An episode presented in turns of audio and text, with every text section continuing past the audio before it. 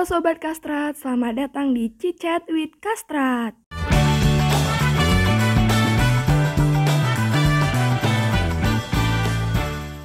Selamat datang lagi di podcast uh, Sobat Kastrat yaitu Cicet with Kastrat. Kali ini uh, aku kedatangan temen nih. Halo Fat, apa kabar nih? Alhamdulillah baik. Gimana Mbak Adiba kabarnya? Baik juga nih, masih tetap di rumah aja dong tentunya. Iya pasti. Oke, aku mau ngobrol-ngobrol nih sama kamu. Ya oke, pasti tentang COVID sih. Oke. Gak asing lagi kan tentunya. Iya. Uh, ini aku mau tanya, apa kabar Indonesia di tengah pandemi ini? Hmm.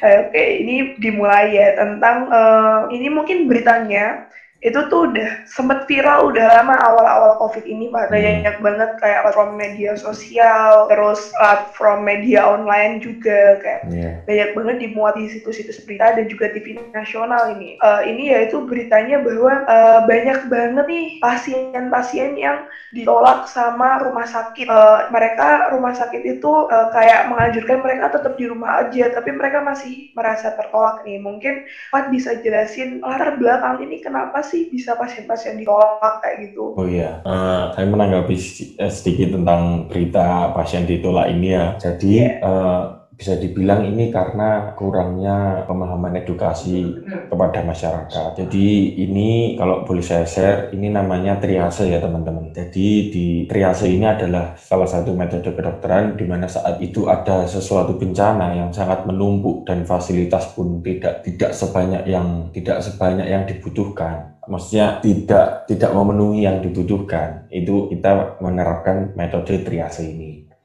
Jadi di metode triase ini ada dibagi empat kategori warna. Di empat kategori warna ini ada artinya masing-masing yang disesuaikan dengan pastinya dengan kondisi pasien tersebut. Yang pertama ada kategori merah, kemudian ada kategori kuning, ada kategori hijau, dan ada kategori hitam. Apa aja sih kategori-kategori ini? Jadi kategori merah ini adalah pasien yang harus segera mendapat penanganan segera dan pasien tersebut dalam kondisi kritis. Kemudian kalau yang eh, kategori kuning dia harus mendapat penanganan tetapi pasien tersebut tidak dalam kondisi kritis. Kemudian kalau eh, kategori hijau adalah pasien yang masih mengalami umumnya masih mengalami cedera-cedera ringan. Artinya dia masih mampu berjalan, kemudian dia masih mampu mencari pertolongan sendiri seperti itu. Kemudian kalau kategori hitam adalah adalah pasien yang sudah meninggal seperti itu. Jadi eh, kalau Mbak Adiba tahu kan pemerintah udah lama nih ya udah membentuk adanya call center ya. Ya itu kalau senternya eh, sempat rame banget kan. Nah ya, jadi kadang teman-teman pada bingung nih, call center ini buat apa sih kayak gitu. Jadi call center ini adalah salah satu terobosan pemerintah triase sejak dini kayak gitu. Jadi di call center ini nanti, eh, jadi di call center ini diterapkan bahwasannya yang datang di rumah sakit itu adalah orang yang benar-benar membutuhkan, orang yang benar-benar krusial banget lah, yang sangat ber- beresiko banget kayak gitu. Jadi kadang banyak nih yang jadi problem sekarang adalah eh, banyak nih pasien yang pasien yang datang di rumah sakit tapi dia karena psikis doang. Maksudnya aku aku corona nih kayaknya, aku corona nih kayaknya kayak gitu. Jadi itu malah malah sangat membahayakan dan makanya adanya call center ini bisa sangat membantu triage sejak dini dan jadi yang datang di rumah sakit pun tidak tidak menumpuk seperti itu. Tentunya yang benar-benar membutuhkan begitu ya. Ya, yang benar-benar membutuhkan kayak gitu. Eh, Oke, Fat. Eh, ngomong-ngomong soal triase nih, eh, ini dari aku itu memang berpendapat bahwa ini adalah langkah yang tepat bahwa pemerintah eh, memberlakukan ini. Selain Iya. tadi eh, kamu udah benar banget menyebutkan bahwa ini sebagai triase dini yang eh, emang akan lebih menseleksi pasien, jadi penanganannya tentu akan lebih efektif kan, kayak gitu. Hmm, iya. Oke, eh, ngomong-ngomong soal triase sejak dini, ini eh, kamu udah ngasih informasi kepada sobat kasar semua, makasih banget Pak. Ya. Eh, kita mau move ke fakta atau mungkin berita yang sempat eh, hits di Indonesia nih.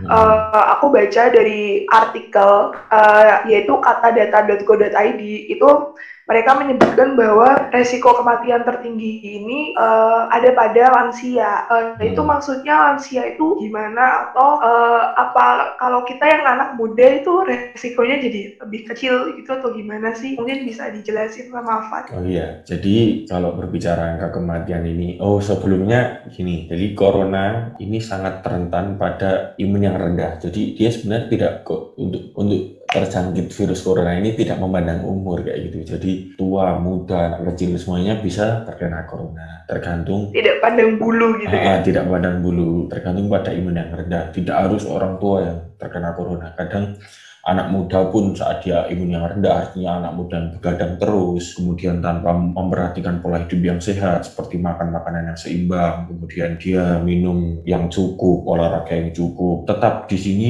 dia bisa ter, dia bisa juga terjangkit corona seperti itu. Tapi okay. perlu digarisbawahi dari berita yang tadi ya. Uh, menurut data dari WHO juga dijelaskan bahwa yang paling beresiko meninggal adalah orang yang berusia 40 tahun ke atas seperti itu. Kenapa sih kok yang paling berisiko itu yang usia 40 tahun ke atas? Seperti yang kita tahu bahwasanya ada beberapa faktor nih di antaranya adalah sistem kekebalan orang yang sudah berusia 40 tahun ke atas itu memang melemah seperti itu atau sistem kekebalannya berkurang secara sistem imun mudah turun lah ya gitu dan di usia 40 tahun ke atas pun biasanya eh, orang-orang di usia 40 tahun ke atas ini diperparah dengan penyakit-penyakit yang lain seperti ada penyakit bawaan seperti jantung, kemudian diabetes, kemudian penyakit saluran pernafasan, hipertensi dan kanker. Ini sangat rentan sekali, sangat berisiko sekali uh, menimbulkan kematian seperti itu. Jadi memang kalau data dari WHO umur 40 tahun ke atas ini lebih rentan atau lebih berisiko meninggalnya lebih tinggi. Seperti itu sih. Oke, okay. uh, ini ngomong-ngomong tentang tingkat kematian memang di Indonesia ini cukup tinggi ya. Uh, yeah. Saya juga turut lihatin tapi semoga ke depan bisa penanganannya lebih efektif lagi dan kita amin. bisa menekan tingkat kematian ini, Fat. Iya, amin, okay. amin, Uh, makasih udah meluruskan nih uh, informasi yang mungkin akan diketahui sama sobat kasar di rumah tentang hmm. bahwa memang lansia itu lebih rentan tapi bisa terkena di semua umur. Jadi kita yang muda-muda juga tidak boleh meremehkan tentunya ya. Hmm. hmm, hmm. Oke, okay. uh, ini tentang ngomong-ngomong tentang uh, meremehkan ya itu mungkin masyarakat Indonesia masih banyak yang meremehkan tentang COVID ini dan itu berimbas pada eh, stigma-stigma uh, yang beredar di masyarakat ya Fat ya. Yeah. Iya. Uh, ini kamu pasti pernah dengar berita, ini banyak dilansir di media massa dan juga sudah masuk hotline TV nasional ini bahwa uh, banyak sekali kasus-kasus coronavirus uh, hmm. yang menyerang tenaga kesehatan itu berasal dari pasien yang tak jujur. Jadi hmm. mungkin Pak bisa memberikan pendapat ini tentang uh, pasien yang uh, kurang yang nggak jujur uh, dalam saat pemeriksaan uh, dirinya kepada tenaga kesehatan tentunya. Silahkan Pak. Kalau kita kilas balik dari yang lalu, sebenarnya apa sih alasan pasien tak jujur ini? Lebih banyak kepada ada rasa takut di dalam diri pasien tersebut kayak gitu. Jadi memang ada rasa takut dia kalau aku ngaku corona nih, aku bakal diapain sih kayak gitu kan. Jadi pandangan masyarakat tentang isolasi ini memang sangat kurang kayak gitu. Jadi sebenarnya kalau kita tidak jujur itu malah bisa memperparah diri kita sendiri dan juga malah bisa memperparah orang orang di sekitar kita, keluarga kita, tetangga kita kayak gitu. Malah resikonya sangat tinggi. Jadi memang sistem isolasi yang sudah ada SOP-nya di petugas-petugas kesehatan itu memang sangat membantu bagaimana petugas kesehatan bisa bisa mengawasi secara intensif bagaimana perkembangan dari pasien tersebut dan juga bisa memutus memutus rantai penularan COVID-19 ini. Jadi dari kita bisalah apabila nanti di anamnesis oleh petugas kesehatan tidak usah kita menutup-nutupi, maka kita harus jujur sepenuhnya. Karena apabila kita menutup-nutupi misal ada ada riwayat bepergian ke mana, kemudian kita menutup menutupi tentang gejala-gejala yang sudah kita rasakan itu sangat merugikan diri kita dan juga sangat merugikan orang lain juga kayak gitu sih. Baik uh, dari penjelasan Pak itu memang uh, pasien yang tak jujur ini banyak merugikan uh, selain dirinya sendiri juga orang-orang di sekitarnya tentunya. Iya. Um, jadi uh, aku nih mengajak sobat kastrat yang mendengarkan podcast ini untuk uh, bisa lebih jujur saat melakukan anamnesis dengan uh, petugas medis karena aku yakin petugas medis itu sudah profesional dalam menangani ini dan tidak yeah. akan memberikan stigma buruk kepada kalian kan tentu. Yeah. Uh, aku uh, mau ngomongin juga nih, kamu pernah hmm. uh, awal-awal COVID ini kita kan masih kesulitan untuk uh, bisa melakukan istilahnya cek gitu kan, apakah kita ini positif atau kita itu negatif. Oh, uh, terus mendeteksi gitu ya? Iya kan, hmm. ya mendeteksi. Dan tentunya uh, langkah pemerintah itu adalah uh, kemarin adanya pengadaan rapid test kan. Uh, yeah. Itu menurutmu rapid test ini uh, apakah sudah efektif atau bagaimana ini? Oh iya, jadi kalau dari data Kementerian Kesehatan ya, rapid test ini memang tidak bisa 100% menentukan bahwa pasien tersebut uh, terkena terkena positif corona atau tidak. Nah, kayak gitu. Jadi memang rapid test ini hanya sifatnya dia hanya mendeteksi antibodi di darah. Karena rapid test ini dilakukan sangat sederhana sekali, hanya tusuk sedikit diambil darahnya lalu dilihat antibodinya. Ya itu membutuhkan waktu 10 menit sampai 15 menit mungkin selesai kayak gitu. Jadi memang kalau untuk rapid test ini untuk masa yang banyak itu sangat sangat efektif ya karena dia cepat kemudian mudah dibawa ke lapangan kayak gitu. Tapi sekali lagi rapid test ini memang tingkat akuratnya memang tidak tidak setinggi PCR atau bisa disebut juga swab test. Nah, kalau di swab test ini memang membutuhkan karena dia swab test ini sudah uh, sampai tes laboratorium kayak gitu dan membutuhkan waktu yang lama sampai 3 sampai 4 hari untuk bisa menentukan uh, pasien tersebut positif corona atau tidak. Jadi memang kalau untuk tingkat efektif secara menentukan pasien tersebut uh, positif corona atau tidak, memang rapid test ini harus dilakukan beberapa kali dan dengan tempo dan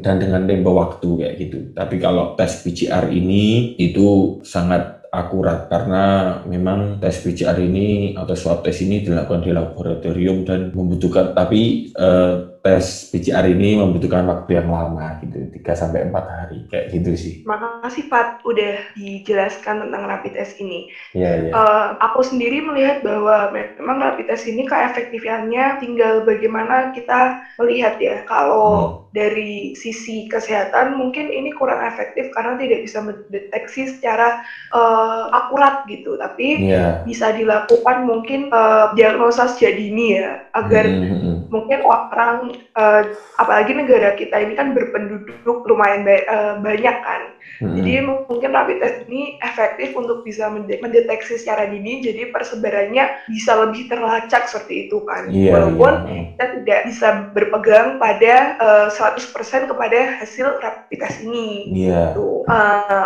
Oke, okay, Pak, uh, karena ini uh, mungkin udah mau buka puasa juga kan, yeah. jadi ini mungkin waktunya terbatas juga. Uh, mungkin lain kali kita bisa ngobrolin beberapa fakta-fakta menarik tentang COVID lagi di podcast-podcast selanjutnya gitu. Iya. Oke, okay. uh, eh, Fat mungkin ada pesan untuk uh, pendengar podcast ini untuk uh, apa bisa melakukan hal yang baik di pandemi ini gitu. Oh iya, uh, untuk teman-teman pendengar podcast kalian, kalau boleh kita tahu kan pemerintah sekarang sudah menerbitkan PSBB ya. Artinya yeah. kita seyogyanya sebagai masyarakat Indonesia, kalau kita sebagai pem, sebagai pandangan masyarakat Indonesia ini sudah bukan lagi antara kita menyalahkan pemerintah atau lain-lain bagaimana. Ini bukan tugas pemerintah lagi, ini tugas kita bersama, tugas kita, rakyat kita juga. Artinya selain kalian di rumah aja itu dan kalian menta mentaati apa yang sudah apa yang sudah di statement yang sudah dikeluarkan dilakukan oleh pemerintah, kalian taat itu sudah sangat membantu. Selain itu juga kalian bisa membantu. Kan sekarang banyak nih apa kita bisa membantu lewat materi dengan online atau lewat apalah kita bisa membantu lewat membeli masker atau dan lain sebagainya. Nah, selain itu juga kalian di rumah aja itu sudah membantu banget. Jadi dimohon untuk pendengar-pendengar sekalian untuk bisa uh, melakukan hashtag di rumah aja ini dengan baik karena kalau bisa kita